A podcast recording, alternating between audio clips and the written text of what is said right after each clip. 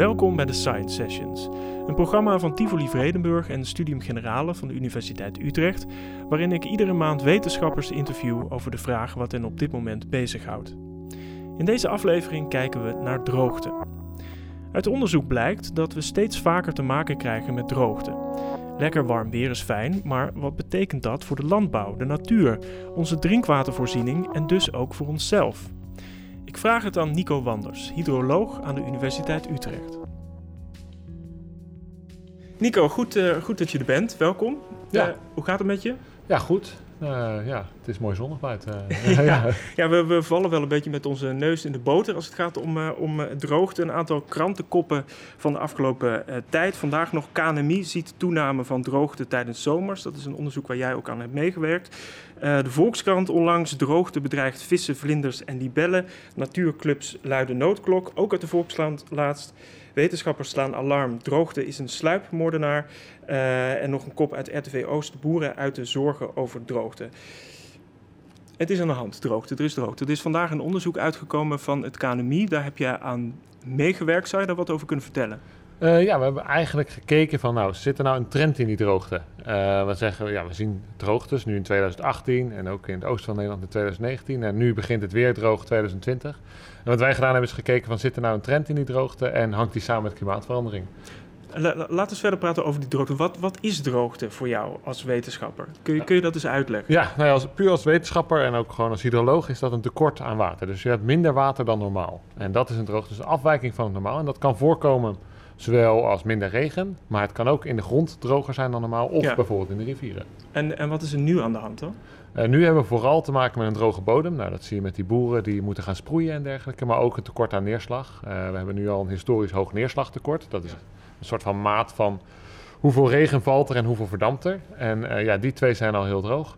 De rivieren staan laag, maar uh, nog niet dreigend. Uh, het is wel iets om in de gaten te houden. Ja, want ik denk dat heel veel mensen die, die zullen kijken, zullen denken: wij, wij, wij zijn Nederland en er komt water, echt water aan, aan, alle kanten binnen. We zijn een nat land eigenlijk. Ja. Hoe kan het dan dat het nu in één keer droog wordt? Waar, waar, waar gaat al het water dan heen? Ja, Nederland is natuurlijk waterland. We liggen ook op een heel unieke plek. Er komt water uit de Rijn, er komt water ja. uit de Maas. Uh, nou, we liggen beneden zeeniveau een deel van ons land. Dus we zijn echt gewend om water te zien en veel water te hebben. Maar tegelijkertijd gebruiken we ook heel veel water. Uh, we hebben een open verbinding met de zee uh, bij Rotterdam. En daar moeten we, kom, de zee kan binnenkomen. Tegelijkertijd moeten we zorgen dat het wel zoet blijft. Want anders dan komt het in aanraking met onze drinkwatervoorzieningen. Uh, aan de andere kant zijn ook uh, boeren die verbouwen heel veel, gebruiken ook daarvoor heel veel water. Nou goed, dat voedsel eten wij weer, uh, maar dat kost ook een hoop water. En we hebben natuurlijk best wel een seizoen, dus we hebben in de winter hebben we altijd ja, kouder, miser, regen. Mm. En dan hebben we de zomer is vaak droger en minder regen. En wat je dan ziet is dat we dus een overschot hebben in de winter, maar van nature al in de zomer een tekort. Mm. nou, dat blijft in balans zolang de winter lekker nat is en de zomer niet extreem droog. Maar ja, als een van de twee te droger is of het is veel warmer dan normaal zoals nu, ja, dan krijg je dat, uh, dat je dat uh, door ziet gaan. En was afgelopen winter dan eigenlijk te droog of kun je dat niet zeggen? Nee, eigenlijk afgelopen winter was vrij normaal. Het is gewoon vooral dat het voorjaar uitzonderlijk is. Uh, vooral heel de hoeveelheid verdamping, dus de mhm. hoeveelheid water die we verliezen. En het heeft ja, sinds eind, nou, midden maart, heeft het niet heel substantieel meer geregend. Ja. Dus ja, dan raak je heel veel water kwijt. Die plantjes zijn lekker aan het groeien. die hebben daarvoor veel water nodig. Ja, en dan droogt die bodem heel hard uit. Wat zijn de oorzaken van de droogte op dit moment? Op dit moment vooral een overschot aan verdamping. Dus uh, ja, die watervraag, de zon schijnt lekker, het waait een beetje, de lucht is lekker droog. Uh, en je ziet gewoon dat dat, ja, dat water heel hard verdampt. En natuurlijk nu geen regen, dus dat het werkt lekker met elkaar hand in hand. Uh, dat is nu de oorzaak uh, waardoor die bodem zo hard ziet uithouden. En als je kijkt naar de, naar de, naar de diepere, misschien of, of, of, achterliggende oorzaak. Uh, uit het onderzoek blijkt dus dat er, een, dat er een verband is tussen klimaatverandering en droogte. wat is die precieze relatie daartussen?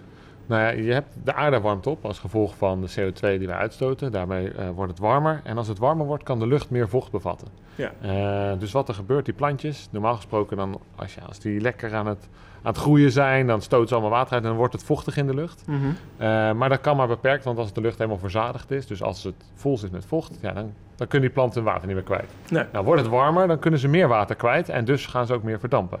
Uh, en aan de andere kant uh, zorgen die warme temperaturen zelf en die zonnestraling ook al gewoon dat die verdamping extra actief ja, dus er gaat eigenlijk meer uh, water Ja. de lucht in. Ja, we zien eigenlijk geen of niet significante trends in neerslag. Maar wat we wel zien is significante trends in de verdamping. En dat leidt tot meer droogtes. En met name in Oost-Nederland. Voor de kuststroken kunnen we dat niet ja, significant aantonen. Dus het is niet een eenduidig verband. Maar de, het wijst wel die kant op. Als je naar het binnenland gaat, dan zie je echt dat je dat dat daar een significant verband toe is. Ja, want ik las ook dat eigenlijk eh, aan de kuststreken dat, daar weer, dat het daar weer wat natter is geworden. Ja, en dat compenseert ook voor een deel van dat, uh, van dat probleem. Dus je ziet daar is het wat natter. Uh, ja, en als er meer regen valt, dan heb je dus minder last van uh, zo'n watertekort. Wat zijn de gevolgen van die droogte? Ja, dat is heel locatiespecifiek. Ik bedoel, ook als een droogte een heel groot fenomeen. De, de gevolgen zijn vrij lokaal. Um, als je naar het, de hoge zandgronden gaat, dus denk aan de Achterhoek, Veluwe, maar ook Noord-Brabant, mm -hmm. uh, Utrecht-Zeuverig, hier in de buurt. Ja, ja daar uh, hebben we geen rivieren en daar komt het water uit, ja, uit de hemel zetten of als regen naar beneden. Ja. Is er dan droogte, dan kun je niks aanvoeren en zie je de gevolgen vooral voor boeren en de natuur. Dus, als, ja. als het droogte is, dan kun je niets aanvoeren. Nee, ja, dan is het water weg. Ja. Uh, ja, het is verdampt of het heeft niet gevallen. En Ja. dan droogt langzaam die bodem uit. En je ziet het vaak als eerst dat boeren gaan sproeien. Want die willen natuurlijk dat hun gewassen ja, optimaal groeien. Ja. Uh, natuur zie je ook. Uh, dus de jonge boompjes, het, het gras wat hele dunne, wor ondiepe worteltjes heeft. Ja, dat, dat is op een gegeven moment dat stukje bodem is uitgedroogd. Je gezonnetje daar wordt, wordt geel. Dus daar zie je die gevolgen als eerste. Ja. En duurt het dan langer, dan zie je ook dat struiken en bomen daar ook problemen mee gaan krijgen. En, en dat was bijvoorbeeld aan de hand in 2018. Precies, als je even de, de, terugdenkt aan die, aan die zomer, het, dorre park, Ja, het, het, nou, het dat is- gras dat ja. inderdaad helemaal geel was. Uh, maar je, je noemt die boeren al en die gaan dan meer, meer sproeien. Maar waar komt dat water dan vandaan? Ja, dat halen ze dan nog. eh, het grondwater wat ja, ook in de grond zit, dat stroomt langzaam de beekjes en de sloten Ja. in en dergelijke. Ja. En dat water pakken zij om dan weer over het land heen te sproeien. Maar je zei ook dat dat grondwaterpeil eigenlijk lager. Ja, dus op een gegeven moment houdt dat op. Dat kun je een tijdje doen. eh, en op een gegeven moment houdt het op. Je ziet, eh, dan komen er sproeiverboden. Nou, nu is dat aan de hand in de Veluwe bijvoorbeeld al. Ja. Daar mag dus nu al in de lente is Ja. er al een Ja, sproeiverbod. nu, we zitten nu eh, vrij vroeg nog in het, in het Ja. jaar. En het- nu heb je dat sproeiverbod Is al. dat ooit eerder gebeurd? Al zo vroeg in het jaar? Zou ik niet durven zeggen. Het is wel uitzonderlijk vroeg in dat opzicht. En ook het neerslagtekort nu is ook uitzonderlijk hoog. Dus dat is wel redelijk. Maar ja, je wil, je wil dat water pakken. En, en ja, maar je moet ook zorgen dat je genoeg hebt voor stel dat die hele zomer nu nog droog blijft. De hele juli, augustus. Als daar ook geen eh, of weinig druppels vallen, ja, dan eh, wil je zorgen dat je nog wel iets hebt. Want anders gaan die gewassen ook niet meer groeien. Laten we nog even verder gaan op Ja. die gevolgen. Want je noemt dus die, eh, die, die boeren die eigenlijk in, in Oost-Nederland zitten, die, die hogere zandgronden. Zij hebben een probleem eh, met dat er te weinig neerslag valt. Ja. Eh, hoe, hoe zit het dan met andere gebieden? Want je zei het is gebiedspecifiek. Ja. Hoe heeft bijvoorbeeld de Randstad, hoe, hoe merken zij de gevolgen van die droogte? Ja, dat is dus, daar heb je ook diezelfde regen die tekort is. Maar tegelijkertijd kun je daar ook heel mooi water aanvoeren via de grote rivieren. Ja. Dus vanuit de Rijn en de Maas kunnen we water nou, eigenlijk door heel Nederland sturen. Al het deel van Nederland is lager liggen, dus denk aan het IJsselmeer. Ja. Maar ook de Randstad en het Groene Hart. Eh, daar sturen we water heen en daar zorgen we dat die slootjes op peil blijven met dat Rijnwater. Ja. En daardoor verdroogt het niet zo hard. Nee. Het probleem komt alleen als je en weinig neerslag hebt en die Rijn ook nog naar beneden zakt. Ja. Ja, dan heb je op een gegeven moment ook niet genoeg water daar meer voor. Ja. En eh, ja, dan zie je ook de problemen in de Randstad. En dat was in 2018 het geval, in 2019 niet. En toen zagen we wel problemen in het oosten, maar niet in het westen van Nederland. En dat Ja. komt puur door ja, die unieke plek waar wij zitten, waardoor we zoveel water krijgen. Ja, we hebben het nu vooral over de landbouw. Maar wie, wie maakt er eigenlijk allemaal aanspraak op dat water? Ja, heel, heel veel sectoren. Eh, de energievoorziening eh, Ja. voor het koelen van de centrales. De drinkwaterbedrijven, want we moeten ook water drinken. Ja. Ehm, de boeren, eh, natuur, scheepvaart. Nou, dat zijn een beetje de hoofd, hoofdgebruikers van het Ja. water. En ja, we hebben ook aan water nodig voor andere ja, wat kleinere functies. Denk bijvoorbeeld zorgen dat de veendijken nat blijven. Die ons beschermen eigenlijk weer tegen een overstroming. Hoe paradoxaal dat ook is. Die moeten ook nat blijven. Dus ja, en daar hebben we ook eh, keuzes in gemaakt. Want we hebben iets wat heet de verdringingsreeks. En daar staat in De vast... verdringingsreeks? Ja, de verdringingsreeks. Ja, dat is, eh, is Ja. bij wet vastgelegd. Ja. En daar staat in eigenlijk wat we belangrijk vinden als er een tekort is. Ja. En eh, nou, daar staan die functies dan ook. Oké, dus we hebben nu een, een, een tekort en dan gaan dus bestuurders die gaan kijken naar die verdringingsreeks en die zeggen deze sectoren die krijgen het eerst water. Ja. Wie, wie staat dan op nummer 1? Opeens staat veiligheid. Eh, Veiligheid. Ja, dus die, die dijken, Ja, die veendijken. precies, die veendijken die, die moeten nat blijven, zodat er... Ja, geen wilnis. Ja, ik weet niet of iedereen het weet, maar wilnis, eh, op een gegeven moment lag dat hele dorpje zat onder water omdat een veendijk was doorgebroken. Ja. Nou, dat soort situaties. dus de veiligheid van de mensen, dat staat op één. En op twee. Eh, nou, in dezelfde categorie 1 zit Ja, ook- oké. ja, sorry, ja, dus, eh, 1.1. ja, 1.1. 1.2, ja. 1.2 Ja. 1.2 is onherstelbare natuurschade. Mhm. Eh, dus denk aan hoogvenen. Eh, ja, als die uitdrogen, dan stort dat ecosysteem in. En dat kun je heel lastig eh, ja, weer herstellen. Hetzelfde geldt voor bodemdaling in het Groene Hart en West-Nederland. Daar zitten allerlei veenlagen. En als die te lang droog staan, dan klinken ze in. Dan zakken ze in als het ware. Daar Ja. heeft de stad als Gouda veel last van. Eh, en dat komt ook, die kunnen ook niet meer omhoog. Dus Nee. dat is ja, onherstelbaar, kun je niet omkeren. Dus dat zijn belangrijke functies om, eh, om te zorgen dat je dat nat houdt. Oké, we, we gaan ze niet allemaal doorlopen, nee, nee. maar ik wil er misschien no- nog wel eentje, want ik ben wel heel benieuwd waar de landbouw dan staat. Eh, de landbouw zit in categorie 3 of 4. Dus Drie? Ja. Oké, Twee is nog eh, kort, is energie en drinkwater. Dat is ook voor ons heel belangrijk. En daarna komen 3 en 4. Daar zitten veel meer dingen in. En de landbouw hangt er vanaf hoeveel kapitaal, dus hoe kostbaar een gewas is. Ga je naar fruitbomen, die staan hoger dan een graanakker. En hoe blij zijn die partijen met eh, die verdringingsreeks? Want ik kan me voorstellen dat de boeren nu denken, eh, er komt ontzettend veel... of, nou, ja, het kan heel goed zijn dat er nog meer droogte aankomt deze, deze, deze zomer. Eh, dat heeft nou ja, zeer ingrijpende gevolgen voor onze gewassen. Ja. Voor het geld dat we ermee mee kunnen verdienen. Maar ze staan op puntje drie. Ja, en allerlei andere sectoren, factoren, die, die, die gaan voor. Wat, wat, wat, wat, wat vinden die partijen daar dan van? ja, een deel kun je gewoon niks aan doen. Als je in Oost-Nederland een boer bent, dan, dan is er niet zoveel aan te voeren. Dit gaat vooral ja, van, goh, als we het water jouw kant op kunnen brengen, hoe gaan we dat dan doen? Ja. Eh, maar ja, goed, daar ontstaan natuurlijk conflicten. Want ja, eh, waarom zou een natuurgebied wel water moeten krijgen of mag ik niet water onttrekken? Eh, Zo'n sproeiverbod. Eh, ja, wie besluit dat en waarom? En eh, nou, dat besluit het waterschap in dit geval. En, maar wanneer wordt dat gedaan? En misschien heb ik hier in mijn sloot staat nog wel genoeg. Ja, Eh, ja, en dat is natuurlijk lastig. Maar ja, uiteindelijk is het een groter geheel eh, waar je de beslissing voor maakt. het, is, het lijkt me ook een heel moeilijk... Het, het is natuurlijk ook hartstikke politiek. Want je Ja. maakt inderdaad die, eh, die, die, die keuzes. Die staat op één en die staat op drie. Toch heb ik het gevoel dat mensen nog niet heel erg bewust zijn... dat dit een heel erg belangrijk probleem is. Er is nog niet heel veel aandacht voor. Ik noemde natuurlijk net die, die, die krantenkoppen, dus op Ja. dit moment wel. Maar als ik zo kijk naar de afgelopen twee jaar... je noemde die, die hele droge zomer van, van eh, 2018. Toen was het droog, mensen maakten zich zorgen. Eh, in de herfst ging het weer regenen. En toen was de aandacht eigenlijk alweer Ja, vervlogen. Waarom denk je dat er, dat er zo weinig aandacht voor is? Een deel is omdat we voor 2018 eh, relatief weinig droogtes hebben gehad. Nou ja, er wordt heel vaak 1976, en zeker in mijn vakgebied hoor je 1976, dit, dat. Eh, nou, dat is een beetje het record. 2003 was het ook droog, maar vaak eh, tot daarna is het eigenlijk de eerste keer pas weer 2018. Ja, En dat is dus een lange tijd. En we, dan zijn we een beetje weer vergeten ja, wat de problemen zijn. Je hebt niet elk jaar een droogte, want dan is het, niet, dan is het gewoon normaal. ja. Het, moet, het moet uitzonderlijk zijn in dat opzicht om een droogte te zijn. Ehm, maar wat je, ja, het, het is inderdaad als die gevolgen, als die zichtbaar worden, ja, dan, eh, dan komt het in de aandacht. Eh, maar het is ook zaak dat we het niet vergeten. Dus als het nu straks vijf jaar de natste vijf jaar van de eeuw zijn, eh, ja, dan is het ook zaak om te zorgen dat we, als we dan, als je kijkt naar politiek en keuzes gaan maken, dat is het moment om iets te doen. Want dan Ja. heb je de, het water en, en de tijd. Heeft het er misschien ook mee te maken, en misschien leg ik die dan woorden in de mond hoor, dat, dat de politiek niet bezig is met een lange termijnvisie, maar in korte termijn denkt en denkt, ja, het zal onze tijd wel duren. Eh, nou, dat ben We, ik niet- we, zijn vier jaar aan de macht. Ja. Ja, Eh, ben, ik- ben ik niet helemaal met je eens. Er zijn eh, dingen als het Delta-programma bijvoorbeeld. Het. Delta-programma wat ook ons beschermt tegen de zee.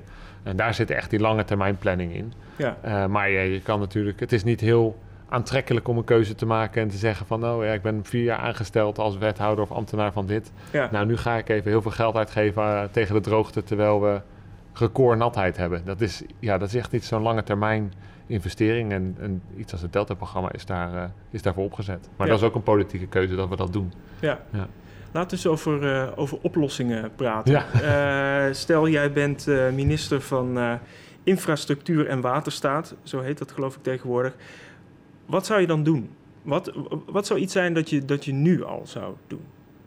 Uh, nu zou ik vooral heel veel focussen op het grondwater. Wat, uh, we hebben het net gehad over al die verschillende aspecten. Uh, dat grondwater is eigenlijk dat water wat onder de grond zit. En ja. wat je niet ziet als je naar buiten loopt. Je ziet het niet, je loopt er overheen. Um, ja, je loopt overheen als in het zit in de aarde. Ja, ja. ja. uh, maar daar is van bewust dat er allemaal water onder ja, zit. En, en soms best ondiep. Ja. Uh, maar dat is precies een plek waar we heel veel water kunnen opbergen aan het einde van, van de winter. Ja.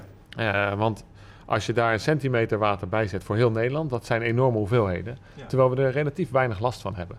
En om dat goed, ja, om daar allerlei oplossingen voor te vinden om te zorgen dat het water wat in de winter valt, A, niet overlast veroorzaakt, maar B, ook echt de grond ingaat. Mm ja, om daar actief maatregelen voor te nemen. Ja, dat is echt... Uh... En noem eens iets wat je dan kan doen om dat voor elkaar te krijgen. Nou ja, je kan bijvoorbeeld... Uh, iedereen heeft een dak op zijn huis. en daar, sommige van die daken die, regen, die wateren af rechtstreeks op het riool. Ja. nou, dan gaat riool, waterzuivering en naar de zee en dan zijn we het kwijt. Ja. Uh, tegenwoordig zie je ook steeds meer huizen waar dan dat die, water, of die regenpijp uitbrandt in een soort van bak van grind. Mhm. En dan langzaam het grondwater incijpelt. Nou, dat soort oplossingen, dat is iets heel simpels. Uh, Het heeft twee voordelen. A, we vullen dat grondwater aan. En B, we hoeven het water niet te zuiveren en dat scheelt weer geld. Ja, want het doet de grond al zelf. Ja, en, en sommige gemeenten stellen dat bijvoorbeeld nu ook verplicht als je een nieuwbouwproject hebt. Van hé, hey, dat voor de uitvoerder, dat moet er zijn. Maar er zijn nog heel veel plekken waar dat uh, niet het geval is. En dat is nou precies dat water wat heel snel weg is. Ja. En uh, relatief ook dicht bij huis een oplossing, zeg maar. Maar. Is het nou eigenlijk zo dat we altijd te veel bezig zijn geweest met het, het, het wegsturen van al dat water? Want daar ja. lijkt het eigenlijk op. Hè? We op snel uh, via de rivier de zee in, dan zijn we er vanaf. Ja. En nu moeten we dat moeten we gaan omzetten. Ja, dat een beetje omdenken of wat. We, ja, want wij zijn Nederland waterland. Ja. Ik bedoel, ga naar de Verenigde Staten en vraag waar de Nederlanders bekend om zijn. En dan heeft het waarschijnlijk iets met dijken, zee ja. en uh, overstromingen of water. Ja. Uh, en, en dat, dat zit ook in ons gedachtegoed. En dat is iets wat we wel moeten aanpassen. Want als je ook bijvoorbeeld de sloten kijkt of de kanalen, heel veel zijn heel recht bijvoorbeeld, echt gemaakt om zo snel mogelijk uh, ja, dat, dat water kwijt te raken.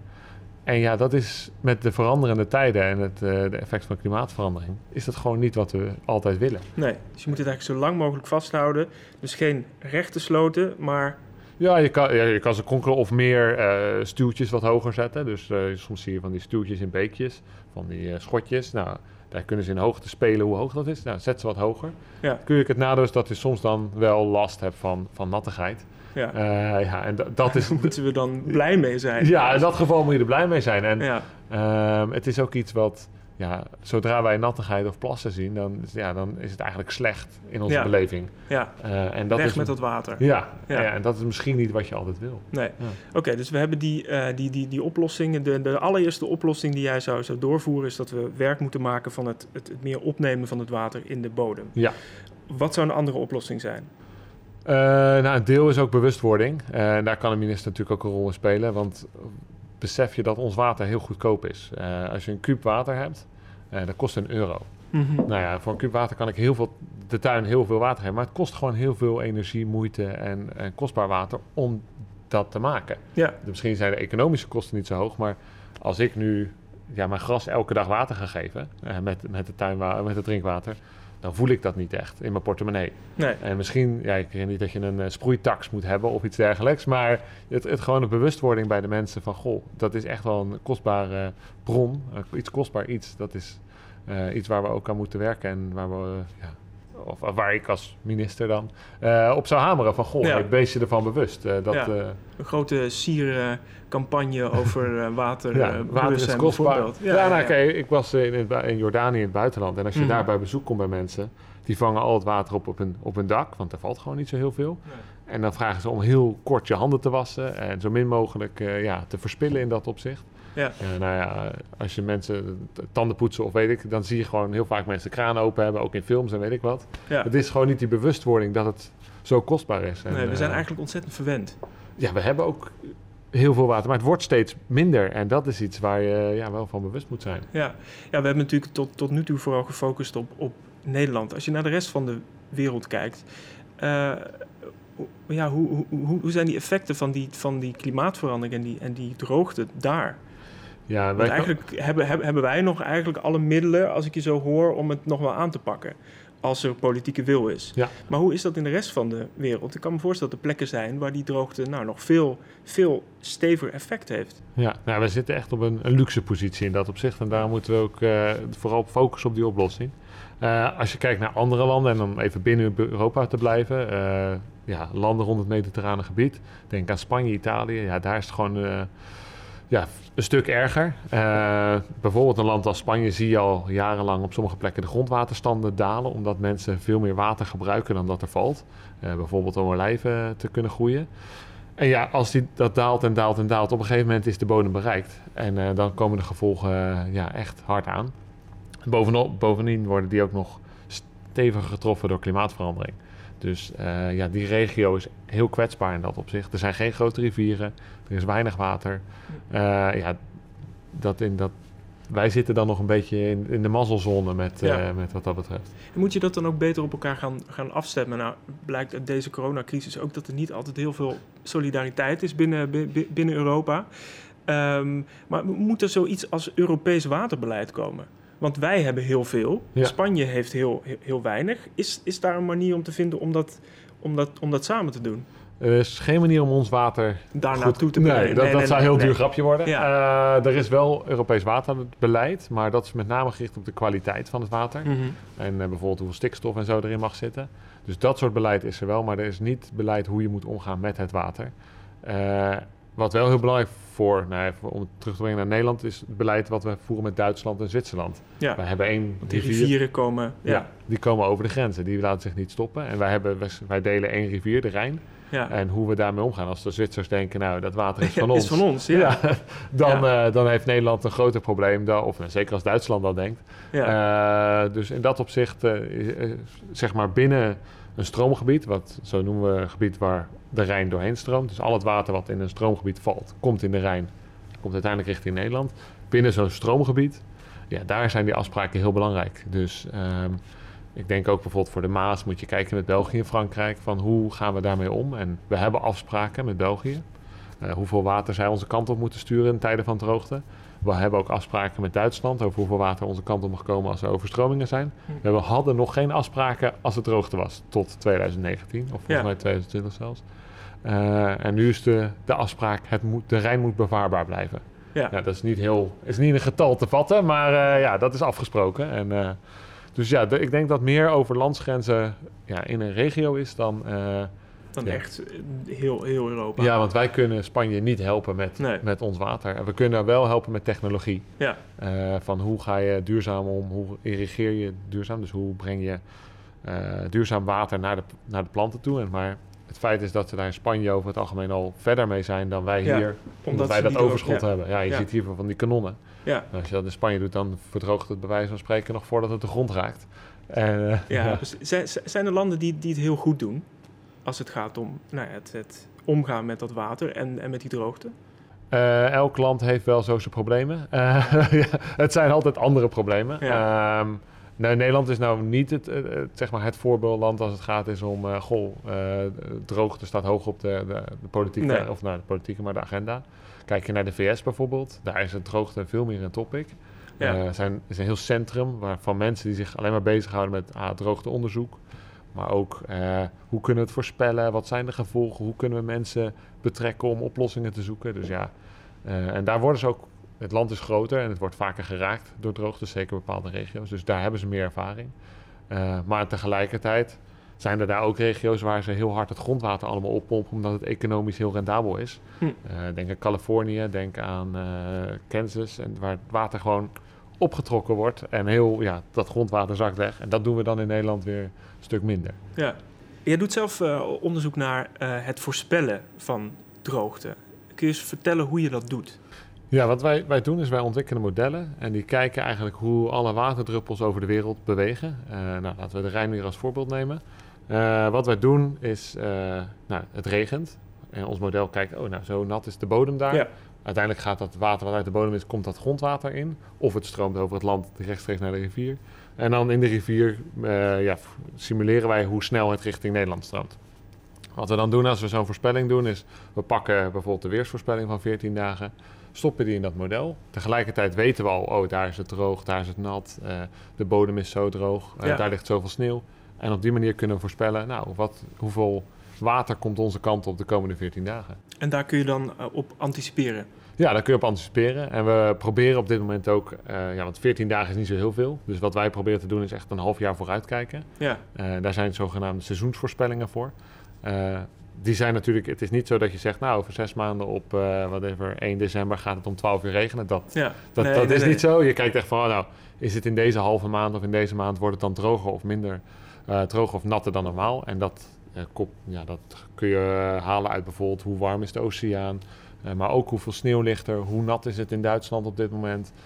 zit er veel water in de meren of in de beken? En, en op die manier probeer je zo'n voorspelling te doen. We kunnen geen zes maanden vooruit kijken in Nederland. Dat kan wel in andere landen, sommige landen waar dat echt een stuk beter gekoppeld is. Mm -hmm. maar in Nederland kun je ongeveer twee maanden vooruit kun je dat bekijken. Uh, maar goed, we zijn nu bezig van hoe kunnen we dat verbeteren en uh, ja, zo betrouwbaar mogelijk maken. En, en wat, wat kun je dan doen? Dan, dan heb je die informatie, oké, over twee maanden, dan is het te droog. Ja, nou ja, dan, dan komt een interessant punt. Want dan, als ik nu weet, uh, over, nou, stel dat ik in februari had geweten, hey, over twee maanden is het echt droog. Ja. Dan kan ik in februari, een maand die vrij nat was, kunnen zoveel mogelijk van het water vasthouden, opslaan op allerlei plekken, manieren en weet ik wat. En zorgen dat het zo min mogelijk weggaat. Ja. Zou ik nou mijn voorspelling laten zien, nou, over twee maanden is het gewoon normaal of nat. Dan kan ik zeggen, nou, dan hoeven we niet extra te gaan opslaan en daar last van te hebben. Ja. Dus uh, op die manier kun je ermee spelen. Maar je moet wel, die, die hebt die, die termijn nodig. Want als je niet die twee maanden hebt, uh, ja, je moet dat ergens vast. Het moet nog vallen. Ja. Uh, en als het niet meer valt, als je zegt van nou, over twee weken, het is nu droog en over twee weken is het nog steeds droog. Ja. ja je kan geen water magisch tevoorschijn laten komen. Dus je moet, het, ja, je moet het vangen als het er is. Maar het is natuurlijk mooi dat jij die voorspellingen hebt, maar er moet toch ook wel de infrastructuur er zijn om dat water op te vangen. Ja. En, en je had het net over een aantal, aantal oplossingen die je nu uh, zou, zou, zou doorvoeren. Dan ga ik ervan uit dat die oplossingen er nog niet zijn, die maatregelen. Dus zijn we nu al in staat, als jij zegt over twee maanden uh, uh, dan wordt het droog, zijn we nu al in staat om dan allerlei radertjes in gang te zetten om dat water op te vangen in die natte maand. Het probleem is dat we nu nog niet uh, de ervaring hebben om aan de goede radartjes te draaien. dus nou, toevallig zijn we ook, werken we samen met Rijkswaterstaat bijvoorbeeld. Daarbij kijken we, nou, wij hebben deze voorspelling voor jullie. Wat zouden jullie nu doen als je deze informatie hebt? Ja. En nou, hoe, wat komt daar dan uit? Wat, wat, wat is het uiteindelijke resultaat? Maar daar moet je ook vertrouwen in hebben. De eerste keer dat de, de, de weersvoorspelling uitkwam en die zei het gaat vandaag regenen en die betrouwen, dan geloofden mensen dat ook niet. Je moet ja. vertrouwen op, opbouwen in zoiets. Ja. Uh, en dus we moeten leren wat we kunnen doen en wat het meest effectief is. Ja. Uh, nou, we hebben een deel van de radartjes hebben we. We kunnen spelen met hoeveel water in het IJsselmeer zit. Dat mag tegenwoordig. Ja. Uh, sinds 2018 mogen we daarmee fluctueren. Of nou, we, Rijkswaterstaat mag daarmee fluctueren. Ja. en tegelijkertijd kunnen ook bijvoorbeeld boeren zeggen van... hé, hey, nou, ik, voor mij sloten, maar ik accepteer dat mijn akker natter is dan normaal. als ja. je een natuurgebied beheert kun je zeggen... nou, we zorgen dat het gewoon nu wat natter staat dan normaal... Uh, maar dan hopelijk hebben we weinig last van die droogte uh, ja, de komende twee maanden of minder last. Ik bedoel, ja. uh, misschien heb je altijd last. Maar alle beekjes die je kunt vasthouden nu, zijn winst. Ja, en natuurlijk, je hebt die, die maatregelen die je, die je kunt, kunt nemen. En dat is natuurlijk super. Moet je ook niet zeggen ergens, ja, die, die droogte die, die blijft. klimaatverandering gaat, gaat ervoor zorgen dat het, dat het waarschijnlijk ook droger wordt. Uh, ja, misschien moeten die boeren in het, in het oosten van het land accepteren dat dat niet echt een fantastische plek is om landbouw te bedrijven. Uh, ja, dingen zullen anders worden. En ja. uh, als gevolg daarvan moeten we inderdaad, we kan maar beperkt maatregelen nemen. En op een gegeven moment is het op. Ja. En, en, er zullen in het oosten van het land zijn ook genoeg plekken waar het wel werkt. Uh, maar je moet bijvoorbeeld niet bovenop een heuvel gaan zitten waar het grondwater heel diep zit, uh, waar je er niet bij kan, geen sloten in de buurt. Dat is een lastige plek, want dat ja. wordt alleen maar een plek, ja, dat is typisch zo'n plek die alleen maar droog gaat worden. Uh, zeker in de zomer. En ja, daar moet je dus misschien accepteren, nou, dat gaat hem niet worden. aan de andere kant kun je ook zeggen van, nou, zit er een natuurgebiedje tussen allerlei boerenbedrijven. En dat natuurgebiedje is van, ja, houdt van heel veel nat. Heel veel water, vocht, ja. Ja, vocht. Uh, misschien is het een uh, vochtig veengebiedje. Uh, ja, als daar allemaal boeren omheen zitten, dan kun je zeggen, ja, Uh, wie moet er nu leiden? Dat één natuurgebiedje of al die boeren? En zo moeten we ook keuzes gaan maken. natuurgebiedje staat op, op uh, 1.2. alleen als het onherstelbaar is. Oh ja, alleen als het onherstelbaar ja, is. Anders dus, staat het op dezelfde tree. Het is gewoon een random natuur die een beetje, nou ja, waar de, waar de, waar de biodiversiteit af, afneemt. Dat is niet dat, dat wordt niet gezien als onherstelbaar schade. Nee, dan zit je echt te kijken naar die hoogvenen en die bodemdaling. Maar kijk, als je, wat, als je de natuurgebieden groter maakt, stel dat je zegt, nou, we, we ruilen wat uit, uh, ja. landbouw, dan kun je die natuurgebieden makkelijker nat houden, relatief. Terwijl je die landbouwgebieden beter kan, uh, kan laten functioneren in zo'n droge tijd. En uh, dat zijn helemaal lange termijn beslissingen waar, waar ik helemaal niet over ga. Maar dat zijn wel dingen die mogelijk ja, een soort van nieuwe normaal kunnen, kunnen helpen. Ja, een Nederland dat op een hele andere manier is ingedeeld. Uh, ja, in principe sommige stukken anders indelen is zeker, zeker iets waar je... Dus het waterpeil in een gebied laat je dan afhangen van... Goh, wat, wat laten we nu afhangen van wat voor functie is er? Maar misschien moeten we ja. gewoon kiezen van... Nou ja, dit kunnen we in dit gebied. Nou, welke gebruikstypes past erbij? Kun je misschien wel een uh, grasland doen... Maar je kan geen maisakker gaan uh, doen. Of uh, ja, een uh, hoogveengebiedje past hier prima. Ja. dus ja, op die manier dus dat kijken. beter, beter indelen. Ja. Hoe, hoe denk je dat jouw zomer eruit gaat zien? mijn zomer, ja, het, meest, het wordt meestal niet natter.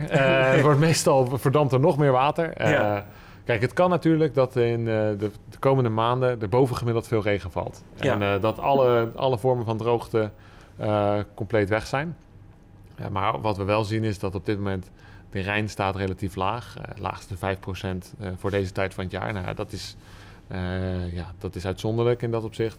Het neerslagtekort is nog nooit zo hoog geweest in deze tijd van het jaar. Dus laten we zeggen dat in elk geval de seinen op oranje-rood Ja. staan. Um, mochten we nou heel veel regen krijgen, dan helpt dat wel voor dat neerslagtekort in zekere zin. Maar niet als het in één dag valt. Nee. Want als het in één dag valt, dan valt het op die bodem. Uh, nou, en dan stroomt een heel deel stroomt rechtstreeks af. Want zo'n bodem, ook al is die droog, uh, die, kan maar, ja, die kan maar een bepaalde hoeveelheid water absorberen. Uh, is het een kleibodem, die zijn wat, wat zwaarder, wat kleinere gaten tussen de korreltjes. Daar kan het nog langzamer. Heb je een zandbodem, gaat het al iets sneller. Uh, dus ja, je wil dat eigenlijk liever miser. Heel veel miser. Voor, uh, vanuit een droogteperspectief. Ja. Niet vanuit mijn zomerperspectief, maar, uh, maar het perspectief van, uh, van droogte wil je eigenlijk heel veel miser. Want dat heeft veel tijd om in te trekken. Het is bewolkt, er is weinig zon, er verdampt weinig. En al die planten krijgen weer lekker water. Uh, maar ja, als we nu kijken naar Duitsland, als we nu kijken naar hoeveel water er in Zwitserland is, dan lijkt het er niet op alsof de Rijn opeens een overstroming gaat laten zien. Hm. Dus die tekenen staan echt wel op oranje-rood. En het is zeker iets om in de gaten te houden. Ja, Betekent dat ook zo'n hete zomer, dat er dan, en zo'n zo'n droge zomer, dat er dan in één keer veel meer werk voor jou is? Dat, je, dat iedereen jou vraagt om, uh, om, om, om dingen uit te zoeken, wat er, wat er gaat, gaat gebeuren over een maand of over twee maanden? Uh, ja, dat, die vragen krijg je sowieso en het maakt het ook een stuk actueler. Dus je krijgt ook meer vragen van, uh, ja, wat, wat kunnen we doen? Of hoe, wat laten jouw modellen zien bijvoorbeeld omtrent klimaatverandering? Wat kunnen we verwachten in de toekomst? Ja. en ja, dat is ook, uh, nou, wat mij betreft, leuk dat je onderzoek doet wat dan ja, meteen een directe toepassing heeft. En ook uh, ja, je, mensen van een waterschap of van Rijkswaterstaat die stellen je vragen: hey, hoe, laat, hoe laat het zien? Hoe ziet het er internationaal uit? Want wij zijn Nederland waterland en we zijn ook best wel Nederland gericht, zeg maar. Ja. En internationaal gebeuren er ook heel veel dingen. Uh, dus ja, dat maakt het wel wat leuk ja, voor mij. Dus als het goed is, gaan we jou in deze zomer nog vaak zien en horen. Uh, nou ja, als het ideaal is, dan is voor Nederland de droogte is dan weg. Ja. Maar uh, ja, inderdaad, de kans dat, je, dat er meer uh, komt is zeker groot. Ja. Je luisterde naar een aflevering van de Science Sessions met hydroloog Nico Wanders. Benieuwd naar meer afleveringen? Ga naar sg.uu.nl/podcast of abonneer je op je favoriete platform.